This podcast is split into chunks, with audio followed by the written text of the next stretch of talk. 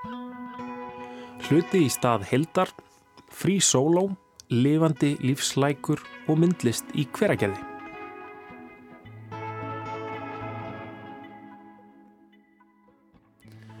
Undir lokþáttar í dag ræðum við við önnu Guðjónsdóttur myndlistakonu um síningu hennar í Asal Hafnarhúsins í listasafni Reykjavíkur sem heitir Hluti í stað heldar Pass Pro Toto. Þar brítur Anna upp rýmið á forvitnilegan hátt eiginlega með reynum sjónkverfingum og býr til merkilega mikla þrývít í salin á einfaldan máta. En í síninguna blandast síðan minningar úr íslensku landslægi. Svo ætlum við að kíkja í bíó, við ætlum að fara á heimildamindina Free Solo sem fjallar um eitthvað mesta afreg í sögu klifur íþróttarinnar. Sigdryggur Ari Jóhansson, ljósmyndari og áhuga klifrari verður tekinn tali um myndina. Bergsveit Birgisson reythöfundur segir okkur frá bóksinni Levandi lífslækur sem er bókvikunar á rás 1 þessa vikuna Bókin gerist á tímum skaftarældana þegar andi upplýsingarinnar blæsum Evrópu og best hingað upp til Íslands í líki Magnúsar Árelíusar sem er innblásin af andatímans sendur af konungi. Hann vil mæla hitt og þetta en átta sig kannski ekki á því að mæliteknin hún næri ekki utanum allt. Og Starkaður Sigurásson, hann flyttur okkur myndlistapistilum heimsókt sína í listasafn Árnesinga þar sem síningin huglag rými eftir Ólaf Svein Gíslason stendur yfir til enda mánadarins. En byrju nú við, hvaða hljóður þetta guðni? Free Solo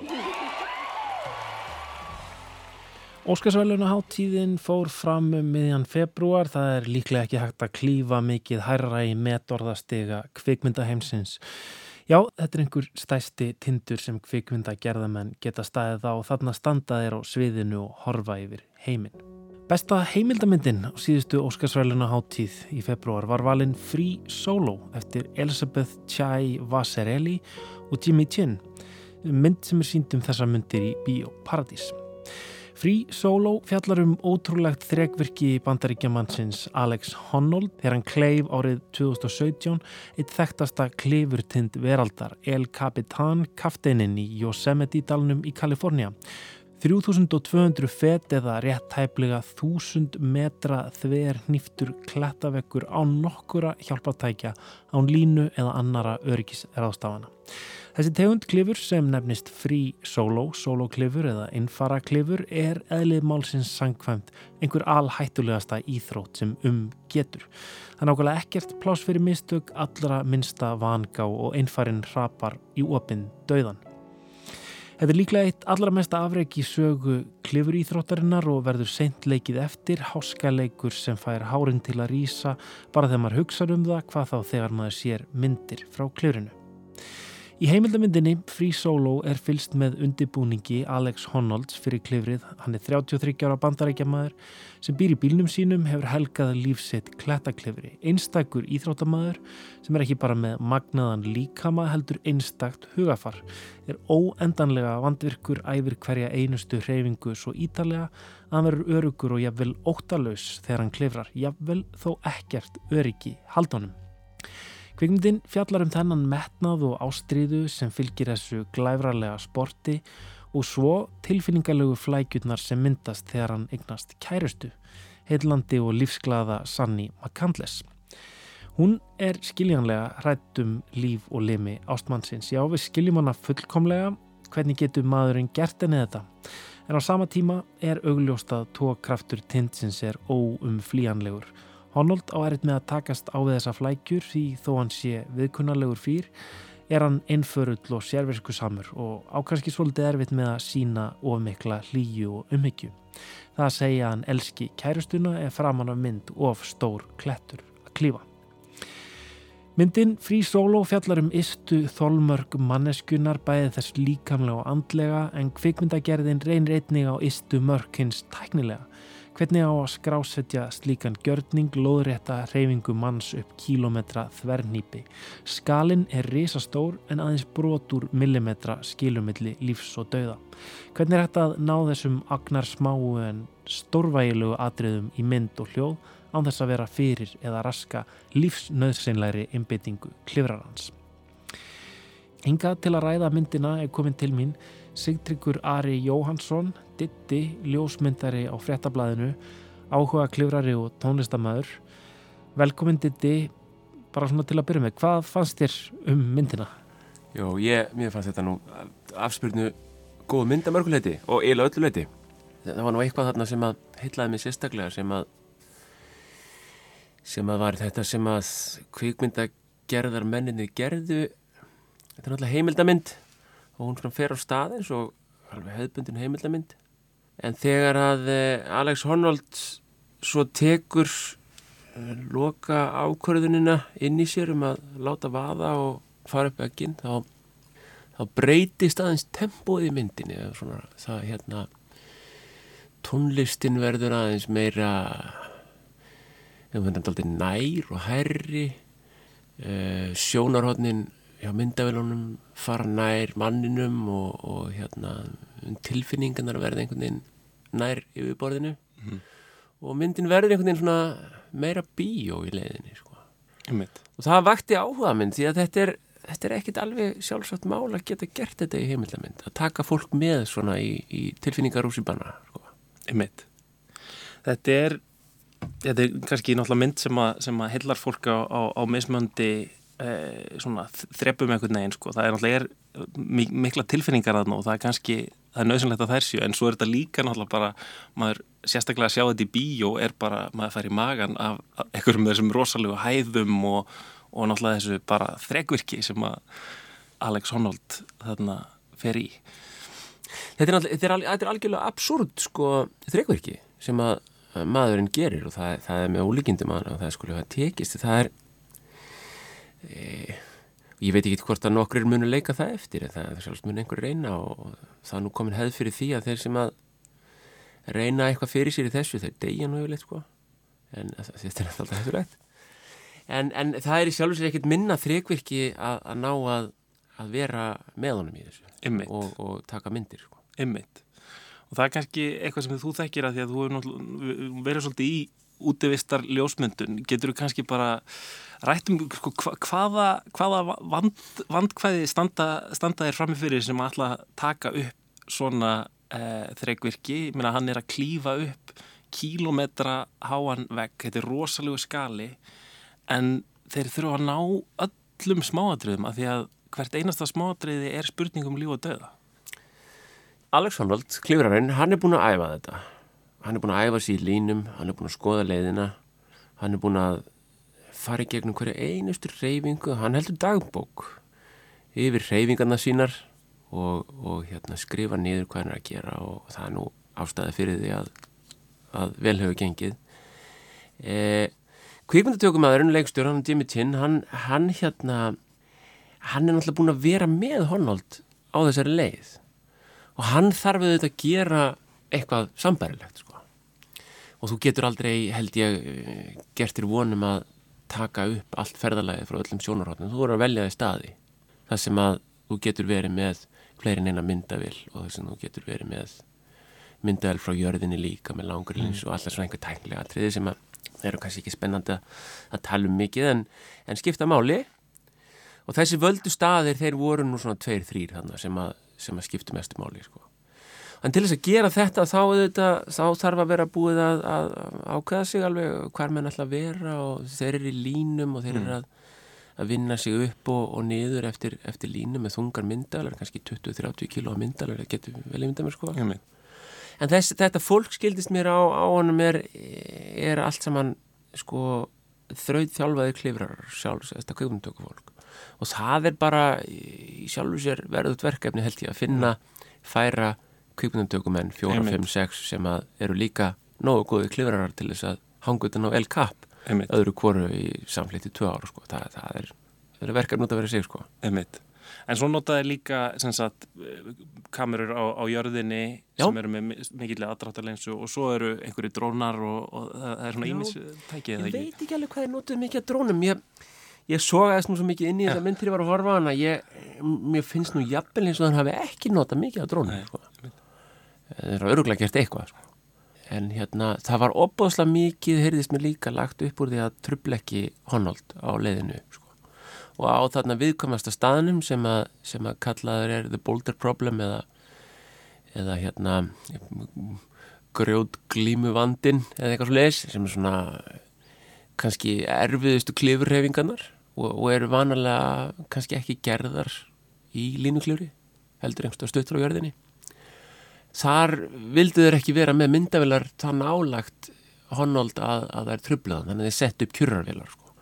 og, og hérna ég ger alveg geta, mér finnst bara líklegt að menn myndi ekki vilja trublan með að hafa dróna hangandi yfir honum sko.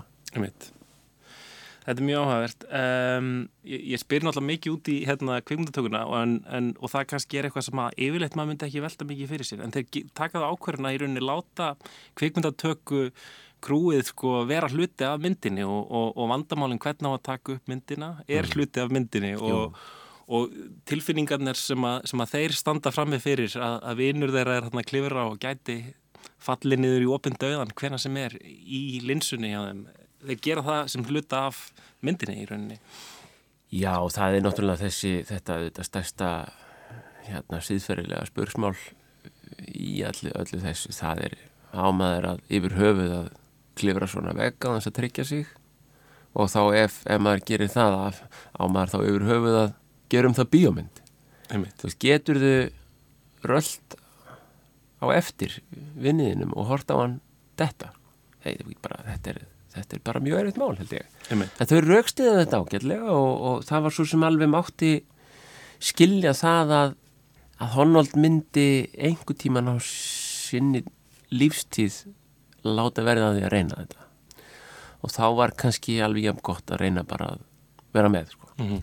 ég meit en svo, svo kemur þarna aukin vít sem kannski gerir þetta aðeins meira heldur en bara svona, eh, hvað ég var að segja einhverju skrásetningu á einhverju þregvirki, það er að hann eignast kærustu á þessu tímabili sem að hérna, sem hann ætlar að fara uh, að klifra uh. þarna algjörlega hættulegasta klifur sem hættur að klifra. Uh. og henni líkur auðvitað ekki vel við þetta.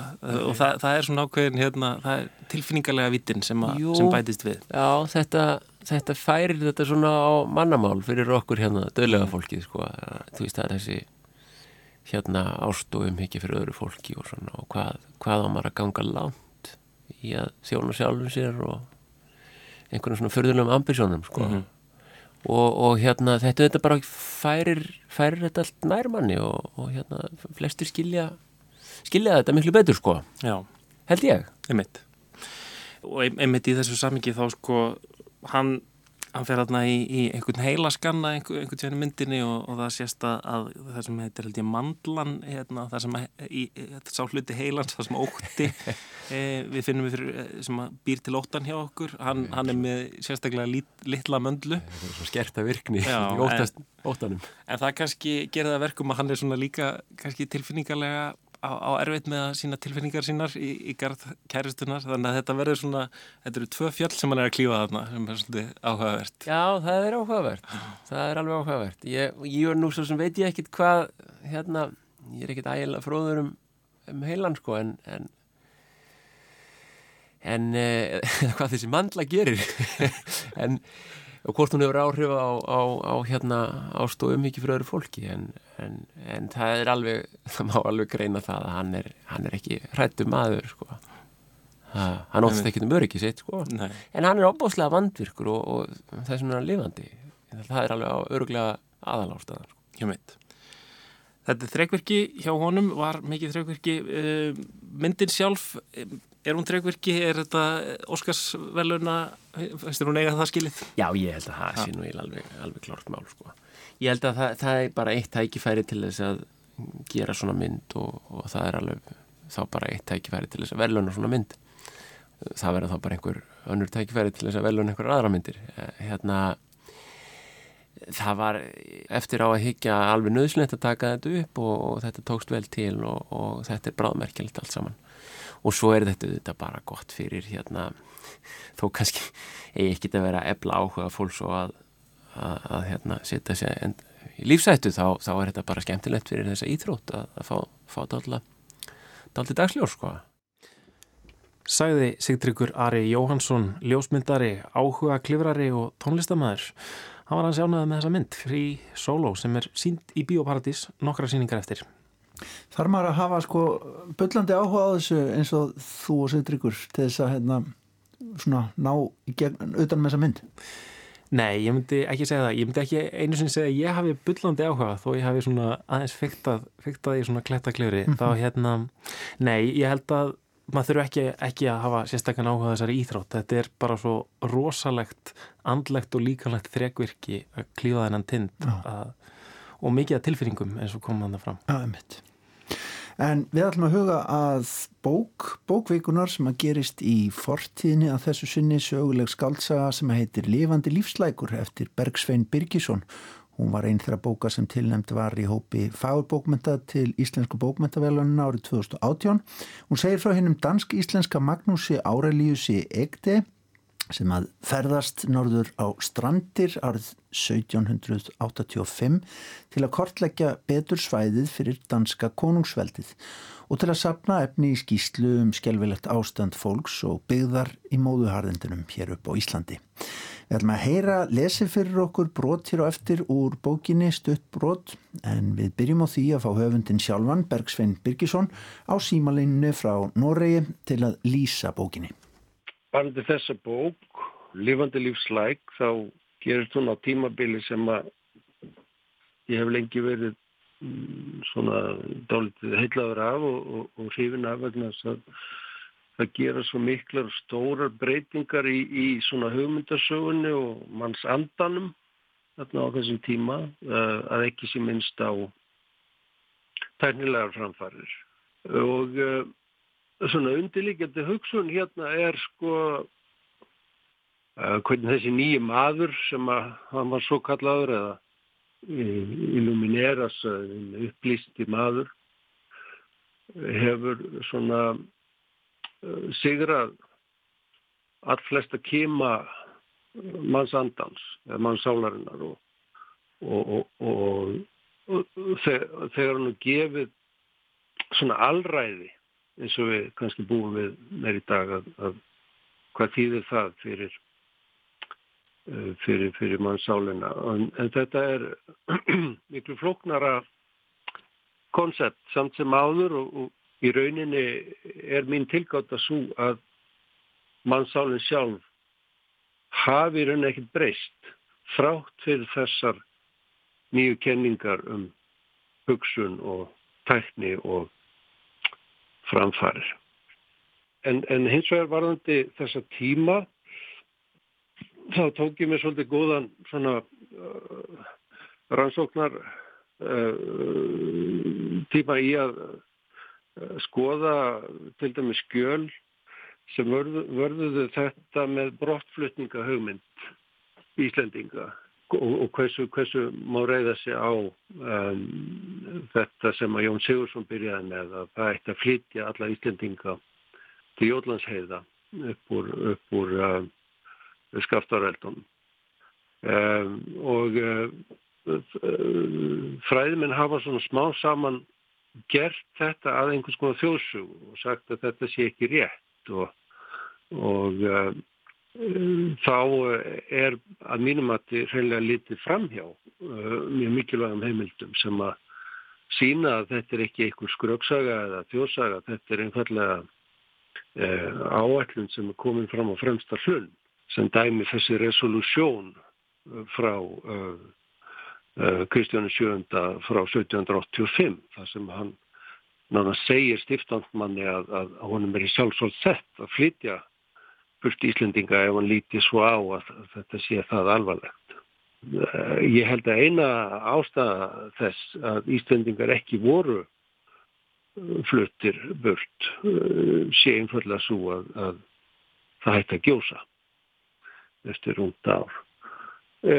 Og ég er svona fyrir utan Jón Trausta þá eru mjög fáir rittvöndur af ykkur ástæðan sem að hafa tekið á sig að skoða þessa tíma og mér finnast sko alla svona katastrófur og hörmungar mjög aðtiklisverða vegna þess að það er oft þar sem að tilvistin verður afklætt og nakin og maður sér svolítið meira hvað lífið virkilega að snýst um. Við fylgjum þarna sagt, þessari aðpersonu sem að heitir Magnús Árelíus eitthvað uh, og hann er smíðaður úr þessum í, við getum kallað sendingum Dana til Íslands. Gott uh, dæmi er Ólafur Ólavíus sem að fór um strandir og vestfyrði til að kanna uh, möguleika á, á uppsetningu versmiðja og, og, og efna í jörðu og, og hvernig mætti svona bæta hag þjóðarinnar á undan honum vitanlega fræðari Eggert og Bjarni Pálsson um, þá var búið að senda marga svo kallar landmælingamenn. Magnús Arason þeirra fremtur flokki lést í miður snemma breyðafyrði en fjölmarkir erlendir landmælingamenn voru búin að fara um og, og, og skoða. Og það er svona, svona sami andin sem stafar af öllum þessum mönnum. Þeim er ekkit ofukomandi, þeir eru sem sagt uh, gerður út örkinni með það, uh, þetta svo kallar hagnýtti sjónamið eitt af opni. Sagan snýst aldrei um það að, að þessi vísindi og þessi vísta hugsun sem að Magnús Áralíus er, er litaður af tekur smán saman að, að veðrast af honum eftir því sem hann svona fer lengra út á jæðar þessar svo kallu uh, sið menningar og þarna gerst þá færi á að taka upp ímislegt svona sem að kannski tekja mætti við heimspekkilega spurnir um hvað eru er virkilega vísindi og, og, og, og hvernig þau stundum passa ekki alveg uh, þegar að kemur að því að lýsa manns sálinu og þeim kvötum sem að grífa hana áfram. Ekki höfum við nokkra kníjandi þörf fyrir að gaggrína frásögn hins skjörhugula vísindamanns. Við ættum miklu frekar að vera þakklátt fyrir þetta friska gests auga sem komið hefur hingað til okkar. Vísindamadurinn lítur yfir sviðið af hesti sínum og á okkur töturum klætt og orðin fossa undan hinnum þrýstrenda hatti hvar hann rýður um í sínu tvínefta hvít munstraða vesti undir frakka dökkbláum og látúnsneftum með standandi kraga með sinn kvíta silkiklútum háls og í línskirtu vel skorinni með blundum á brjósti, í svörtum knepuksum og hvítum sokkum, á óglemdum svartgljáandi reyðstífjölum, uppbrettum með spísaðri tá að frönskum sið. Hann er, eins og Íslendingar segja um glæsilegt fólk, ekki ómyndarlegur. Hann er með breið kinnbein og kröftugt nef, ennisbjartur er hann og karlmannlegur um gljáandi hökuna vísinda augun svört eins og í svöngu dýri.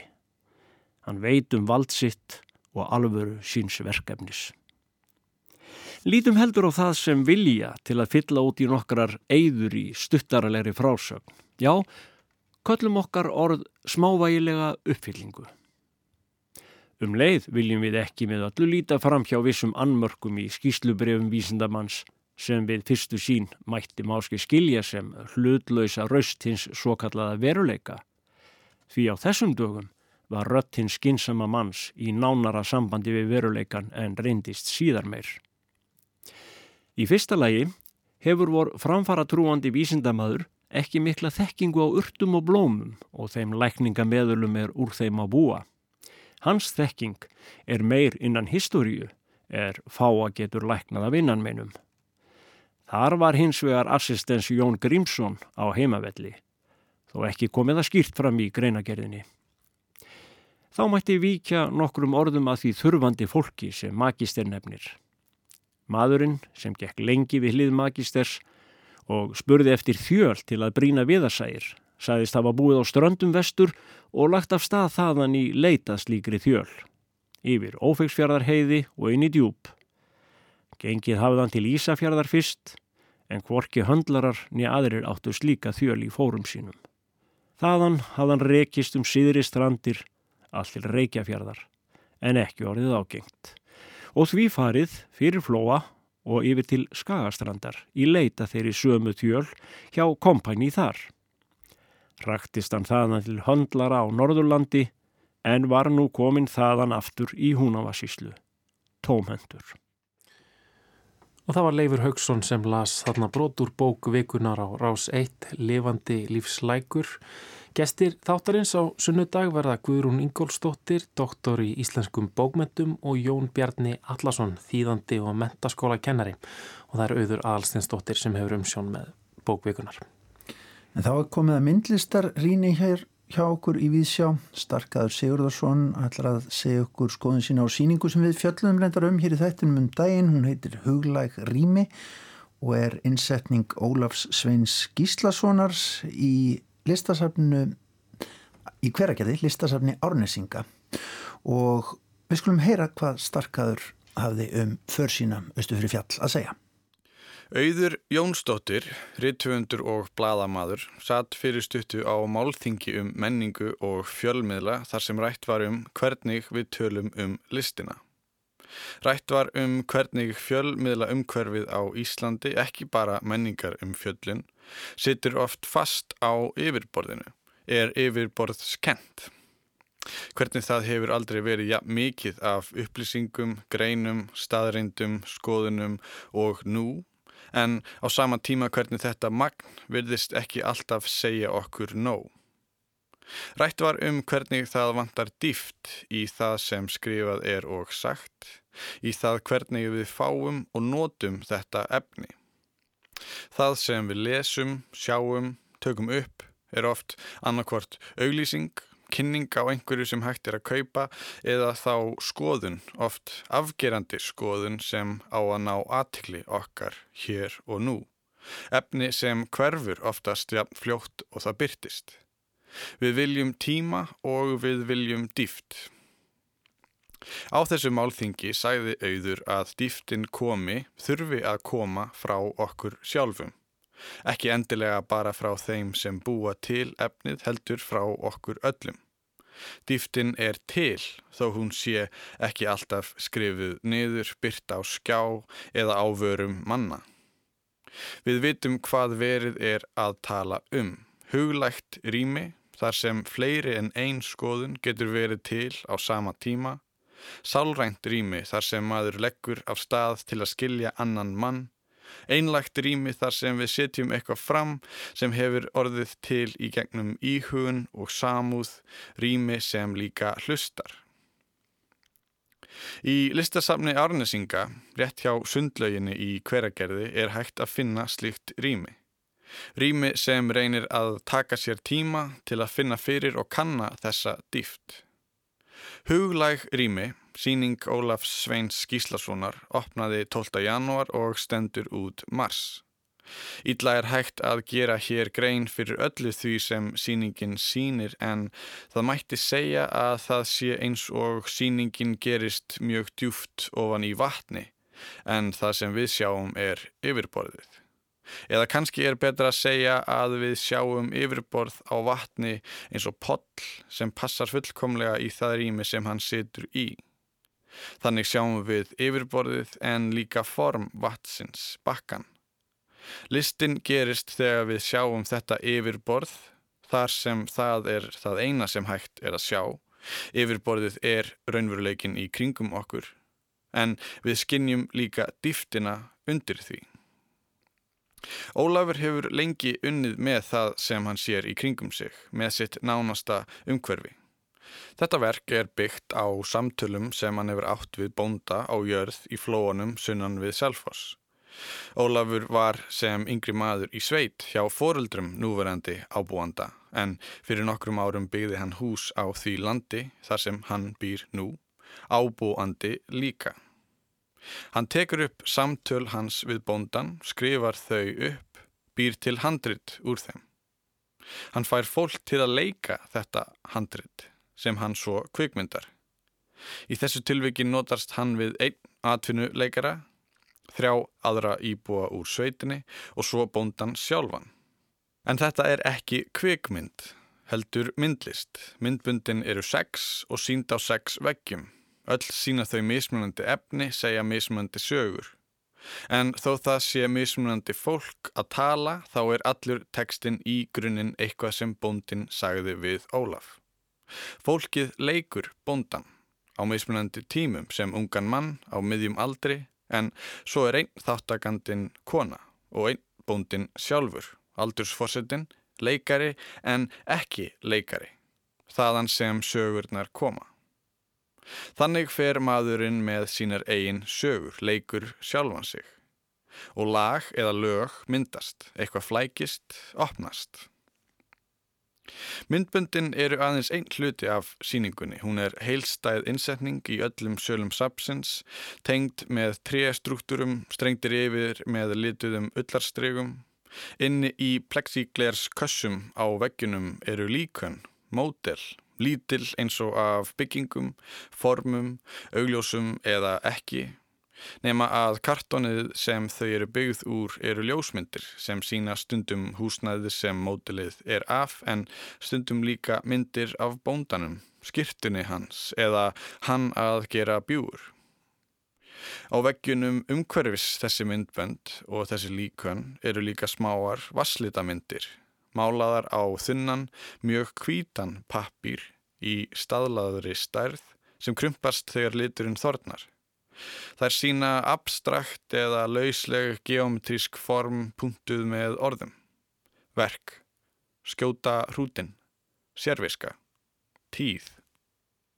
Maður fer að sjá þræði sem hægt er að taka upp af þessu yfirborði. Viðtölin, myndböndin, líkvönin, vasslitamindirnar hafa orðið einkenni fyrir list Ólafs, miðlar sem hann notar oft. En maður skinjar hér að hann hefur fundið djúpa laug til að kafa í. Yfirborðin, efnið, meðhöndlin þessara hluta og þessara orða, myndinar, allt rennur saman í ringgrás sem flæðir á milli. Vasslitamindirnar eru mjög mikilvægar. Þetta tók tíma. Bóndin og listamæðurinn eru ekki svo ólíkir, en meira þegar ekki lengur er stundaður hefbundin búskapur á jörðinni. Bóndi eins og listamæður býr til sín eigin ferli, sín eigin vinnubröð. Sjálfstætt starfandi fólk, bundið huglægum hugmyndum og hlutum sem finnst oft betra að gera vinnu sína sjálft út af fyrir sig. Einhver sem veit að ef ég geri ekki þessa hluti, bera á, ríja, taka upp kartublunar, skrifa, mála, setja saman, þá gerir það enginn. En þó manneskja sem veit líka að ekkert gerist án samvinnunar. Kallt getur verið á Íslandi, blöytt og þurrt. Ólíjan fyrir nallan kemur ekki nema skipið komi að höfninni. Það er ekki að segja að Ólafur sjáu sjálfan sig í bonda gallanum. Þetta er bara einn þráður sem hægt er að taka upp. Heldur gæti verið að Ólafur sjáu flest alla, ekki sem bonda heldur sem nágrana. Sem hluta af sömu sögunni, arfleiðinni, sama tungumálinu, sama yfirborðinu. Að hvert samband sem til er, er áhugavert og djúft ef það er kannad að hlutverki sem þú leikur er þitt eigið en kannski líka hlutverk allra annara. Íbúðin mín í blokkinni okkar er líka búin til af ferlum, sérvisku og myndum. Þannig getur listin talað um marga hluti í einu, bondan og ekki bondan, listamannin sjálfan og ekki listamannin sjálfan. Það er oft erfitt að tala um list, um Ísland, bóndan, mölina, nágrannan, samfélagið, dýft, án þess að það verði klísja, einfeldingslegt, yfirborðskent. En hérna byrtast þessar hugmyndir, einhver megin náttúrulega, eins og lind. Og það virkar af því verkið er ekki um þessa hluti, það er ekki kjarnin. Verkið er rými og tími, það að taka eftir einhverju, hlusta. Þannig er verkið djúft, þó maður sjáu bara yfirborð. eins og að sjá vatn, hvernig þegar maður sér þegar vatn er djúft, á litnum, á bakkanum eða hvernig það tegir sig út sjóndeildarhingin eða hvernig það speglar heiminn af sér, úfið eða slett og yfirborðið verður eitthvað annað líka. En það tekur tíma að ná djúft niður. Þetta verk hefur verið í vinslu í allavega þrjú ár, sennilega lengur. Og þetta er ekki allt sem hægt er að segja um verkið. Dýftin er til og þó hún sé huglag þýðir ekki að hún skiljist ekki á milli manna. Það sem er fallegt hér er þegar maður kemur út úr sapninu með fleiri hugmyndir en þegar maður kom inn. Starkaður Sigur Ásson flutt okkur hérna myndlistapistil um heimsókn sína á síninguna Huglæg Rými eftir Ólaf Svein Gíslason. Síningin stendur yfir í listasafni Árnesinga þar til í lokmánaðarins. Já og við ætlum að halda áfram að fjalla um glímu já, listamanna, myndlistamanna við rými emitt því að undanfærin ár hefur listamönnum verið bóðið að takast á við Asal Hafnarhúsins í listasafni Reykjavíkur með nýjum innsetningum Arkitektur salarins enkennist af voldugum súlum úr innu gamla vöruhúsi sem að þarna var auðvitað reikið árum saman og stórum gluggum sem að fylla út í gamlar hlæðslutir og vísa út á götu. En Anna Guðjónsdóttir opnaði á dögunum síningu sem hún kallar hluti í stað heldar þarna í aðsalnum og það verður að segjast að það er nokkuð forvitnilegt að lappa bara inn í rýmið eins og ég gerði með listamannum fyrr í dag.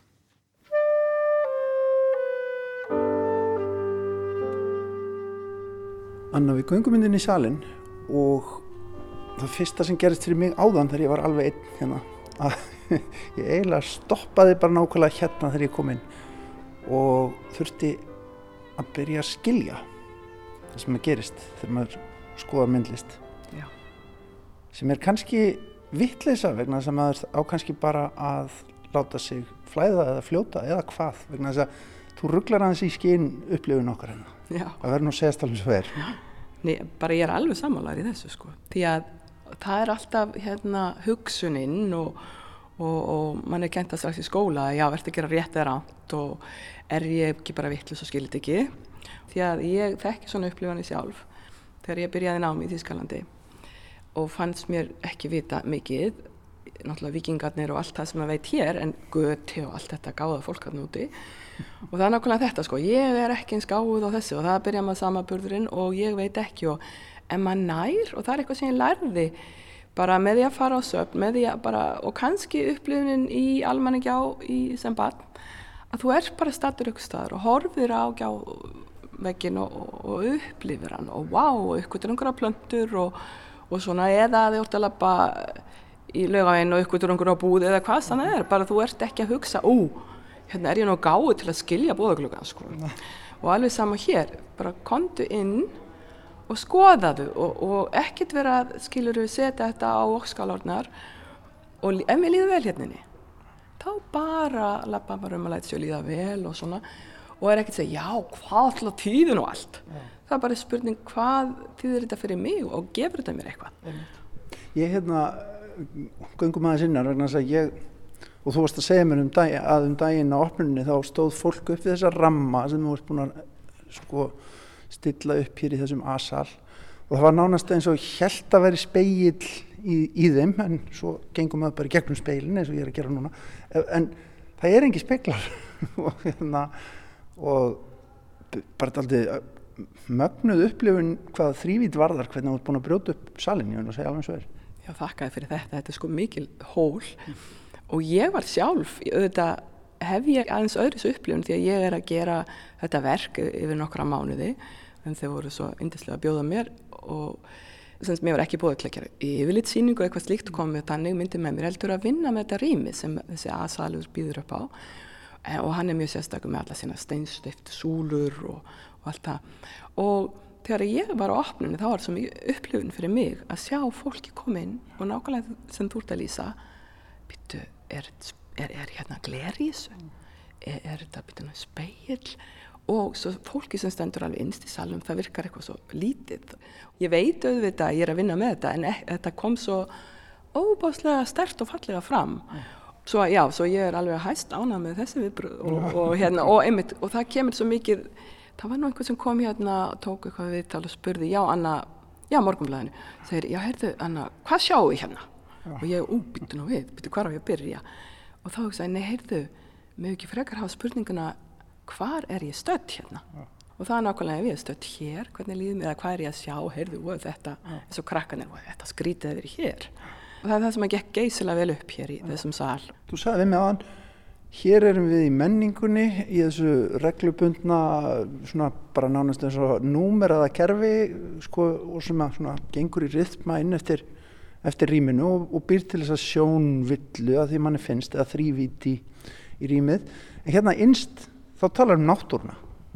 Já, það er þessi tengst, hvað eru við? Og það er svolítið kannski með tillsýningarna sem kom nú bara svona sem var eða setning sem að kennari í íslensku kennari nokkar sagði alltaf pars pro toto. Hann hafi lært latin í gamla dag og allt það. Og það er hluti eh, í stað heildar. Og við erum þetta, veist, við erum í rauninni hluti af stóri heild og maður finnir svo mikið fyrir þessu á Íslandi og mér, ég er svo glöð og, og, og að vera fætt og uppalinn á Íslandi. Þessi tengsl við náttúruna eru svo enda svo til staðar. Mm -hmm og ég, svo er ég búin að búa lengi í Hamburg í Ískalandi þar sem að þú sér hvaða er að bú í Stórborg og hvernig þeirra hugmyndir um náttúrun eru. Og þarna skýrði svo hugmyndin, já heyrðu, þegar ég síndi einhverju mynd sem ég var að mála eða tekna almanagjá og allir hérna heima hafa ákveðin tengsluðina stað og upplifinir og þarna var það bara, heyrðu, hvaða bara eitthvað Lord of the Rings og, og eitthvað svona. Og ég, hæ neina, þetta er alvöru landslagsmýra að tekna þetta er ekkert fantasíu dæmi. Og þá hérna fór ég að hugsa hvaðan koma allar þessar sko sínir sem er eins og bara lög af glerögum á nefina okkur? Og þá hérna fór ég sjálfa að hugsa hvað er þessi náttúra sem ég er alltaf að hugsa um að fást við og svo bara Ísland, hvað er þetta? Og þá fór ég að pæli allansafsrygnum og öllu þessu. Og fór mikið á náttúrufræðisöfn og, og slíkt. Og þá er maður alltaf að horfa í gegnum ákveðin síningakassa mm með öllum upplýsingunum í. Og svo eh, þekkjum maður bara heima þessu glerskápana hjá ömmu með postulinstittunum þú veist þess að dýrmætistu hlutina manns. Og þá fór ég bara að vinna gaggjart með sko notaði þennan síningarkassa eða vítrinu sem ákveði form til að horfa í gegnum á náttúruna, á náttúruna og, og, hérna, og bókstalegu eins og í þessari síningu þessum að þessar þessir rammar eða grindur þetta eru svoðin, saman stál, rör eða hvað þetta heitir mm -hmm. sem er hérna bara eins og teikning, eins og línur í rýminu en svo sér maður, já, þetta er þessi síningakassi með sína fjárvít mm -hmm. Og það kemur líka inn í söguna náttúrulega með renesansið og þú veist, okkur, þegar maðurinn fór að vilja sjá allt reglulega og skipta því upp og skilja. Sapnaflokka Já, sapnaflokka, skilja mm -hmm og, og hérna, en samt og það er bara indislegt að við skulum geta gert það en við, það er indislegt að geta slefti og það er eitthvað hérna sem er svolítið rauð þráður. Að samt að geta slefti, ég veit allt á ég skiljiti á ég að gera þetta og bara vera ég og þar sem ég stöld og finna fyrir sjálf sér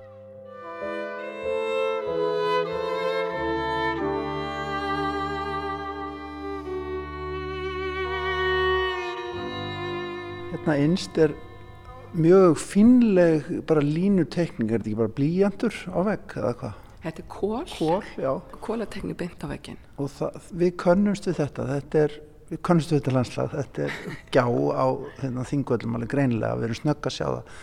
En það sem þú saði ráðan með að fólk upplifið þetta eins og eitthvað skonar gerfi, ég vil segja það reyni að sögu, ég var einhvern veginn að vinna á þingvöldum og tók á móti gestum og það var fólk fyrir fram að mig, ég var ekki með þeim en það var fólk fyrir fram að mig að lappa upp valhallastígin, þar sem að maður lappar upp á brúnina og hamravegurinn í almannagjá tekur við manni hóru mikill Já. og það sem fólki saði fyrir fram að mig, ég heyrði, heyrði bara svona talera, þá var spurningin is this real? Okkur, okkur finnst þetta fyndið en, en, en sko Hollywood býr til landslag, Já. þetta er ekta þetta er, þetta er ekta en svo sér maður þetta bara hérna, eins og hvað segir, létt teikning og ekkert nák, þú veist að maður segir hvað er nákvæmt og þá myndi ég þekkja þessa tegund af mosa og allt það mm. en hérna er þetta teikna á hvað ég teikna bara beint á veginn með kólum og kól er eitthvað sem næstu getur dustað í burtu mm. Og, og hérna þar að leiðandi og þekki og ég vildi að maður sæja að þetta væri landslag. Og fyrir mér er þetta mjög náinn ákveðin staður. Og ég held að, að það sem ég hef séð að fólki að það tekur því þannig það, það finnur fyrir sinn í sjálfum sér sko. Og þannig að þetta var nú hugmyndin bakvið, bakvið þessa tekning og hún, hún sko er hérna hérna í miðjuna sem er stattur í í hvað ég segja þrývitinni og þessi þrývit þegar maður er að horfa sko í fjaskan mm -hmm. Að þrývit er ekkert flókin og, og þá horfum maður okkur ákveðin punkt mm -hmm. eins og ég er á ljósónum áðan og var að horfa á esjuna þá horfum ég einhvern punkt mm -hmm. og út frá honum sko sér það allt annað, allt annað. og hérna er það náttúrulega punkturinn svona það sem er kannski tekningin er nákvæmst og svo verður hún strjálari og, og leysist upp til hlýðana og þar sem maður glugginn kemur og þar er ég að horfa út að þar enda í rauninni línutnar því að þá er ég komin eða úr minningunni inn í núið mm. þar sem við erum stött hérna í safninu horfa umferðina og, þetta fallega bjarta ljós sko veturinn er að hvaðja og svona borginn tekur við borginn tekur við og svo erum við komin inn í hérna, inn í eitthvað umhverfi mm. og, og það tak, taka við hérna, sínir í allar áttir og stærðir og, og þetta er með já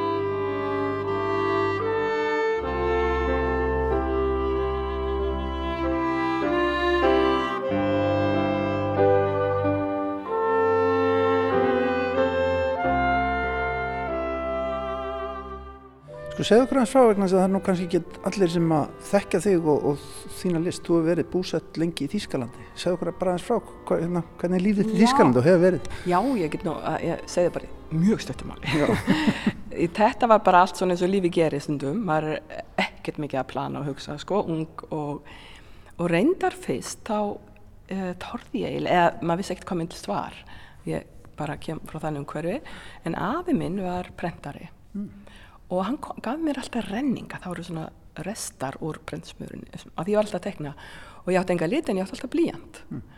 þannig að ég var alltaf teknandi og hann svo alltaf þú verður listakonan og ég, já hvað er nú það sko mm.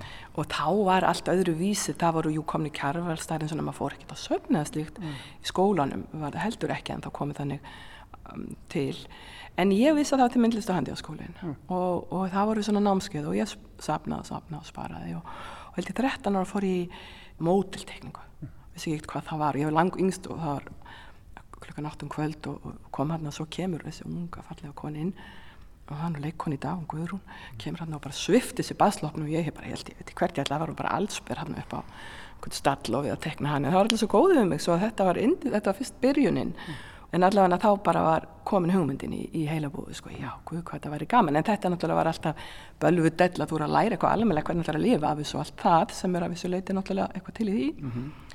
svo hérna til að segja til stuttumáli þá fór ég nú, var ég nú að vinna eftir stúdendina því ég vildi ekki fara bara að læra eitthvað til að læra eitthvað og var svo heppin að, að vinna hjá hérna Askenasi hérna Þórunni og, og, og og kynntist þar náttúrulega tónlist sem að hefur náttúrulega bara mjög líka struktúru uppbyggingar hvernig, hvernig tónlistafólk vinnur. Mm -hmm.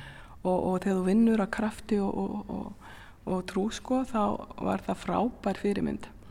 Var bara klármál. Eftir þann tíma ég bara get ekki hugsað mér eitt annað en að, að fara út í myndlist og hvernig get ég lerta mm -hmm. svo ég kom heim og tók indugpróf í myndlist og handið á skólan en ég hérna, fann mig kannski ekki alveg þannig að þá bara hugsa ég verði að fara elendis og, og hérna sóttu um í Hamburg komst nú fyrst ekki inn en verði svo tekinn inn lærði bara málið og, og, og kláraði þar ná mm -hmm. og hef verið með annan fótinn fyrst náttúrulega báða því að hérna, hana, hún lóa mín, stelpann mín 14 ára stelpann, er, við búum í Hamburg mm -hmm. en þá, mm -hmm. en ég er alltaf að reyna að fetta fótinn heim svo að ég kláraði þar nám stopnaði galleri síningar rými þá sem við kallum galleri fyrir landsjáfskunst mm -hmm.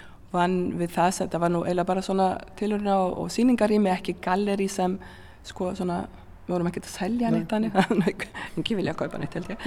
En hérna það var mikil reynsla í þessu. Mm -hmm. og síðan hef ég bara verið að eins og gengur sko kenna og, og vinna að myndlistinni. Og þess vegna var alveg indislegt að fá að vera bóðið að sína hér á Íslandi ég er náttúrulega verið að sína kannski meira svona þetta er svona mál náttúrulega komið úr Allandshafið mm -hmm. með verkið mín eru frekar stór Flókið merk Já og, og hérna þannig að það voru oft ferðartöskusýningar í nýlistasafninu, gerðasafninu og svona en, en þetta var náttúrulega að fá að vera með svona engasýningu og að það var bara, ég var hér í svakalegum hughrifum og tilfinninga hérna einhverjum skýjum sem að ég annars er, þú veist ég, að hérna vera hérna heim er bara alveg toppurinn.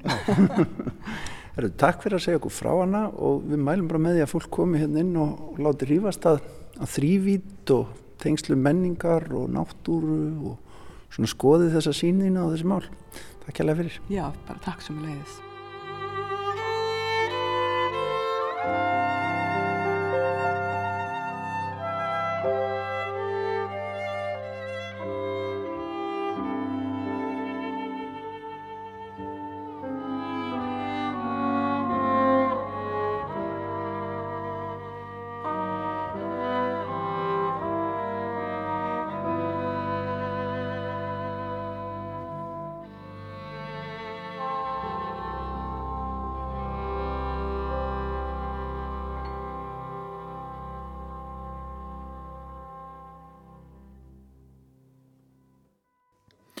Og þarna fórum við í Hafnarhúsið til að ræða við önnu Guðjónsdóttur, myndlistarkonu sem að er nú aðalega búsett í Hamburg í Þískalandi og hefur starfað þar undanfærin ár en er með þessa síningu núna hluti í stað Heldar í Asal Hafnarhúsins hjá listasafni Reykjavíkur. Það er um að gera að benda eiginlega sko forvitnum kennurum, myndlistakennurum á að fara með krakkana í þennan sal vegna þess að þetta er eiginlega frábær staðul til að útskýra þrývít í myndlist. Já, já. og sniðut að fara með kannski myndlistabækuna með sér og skoða til dæmis endurreysnina þarna á þessum stað. En tónlistin í þessu einslæg hún er úr smiðju ítalska pianistans úr í Kæne og þetta voru félagar hans þarna að leggja út af stefjum frá Maler að ég held. En forvöldnilega síning í Harnarhúsinu, mælum með henni um að gera, ég þarf að kíkja á þetta. En það er komið að lokum hjá okkur í dag. Við verum hérna aftur á morgun klukkan fjögur. Já, verið sæl. Verið sæl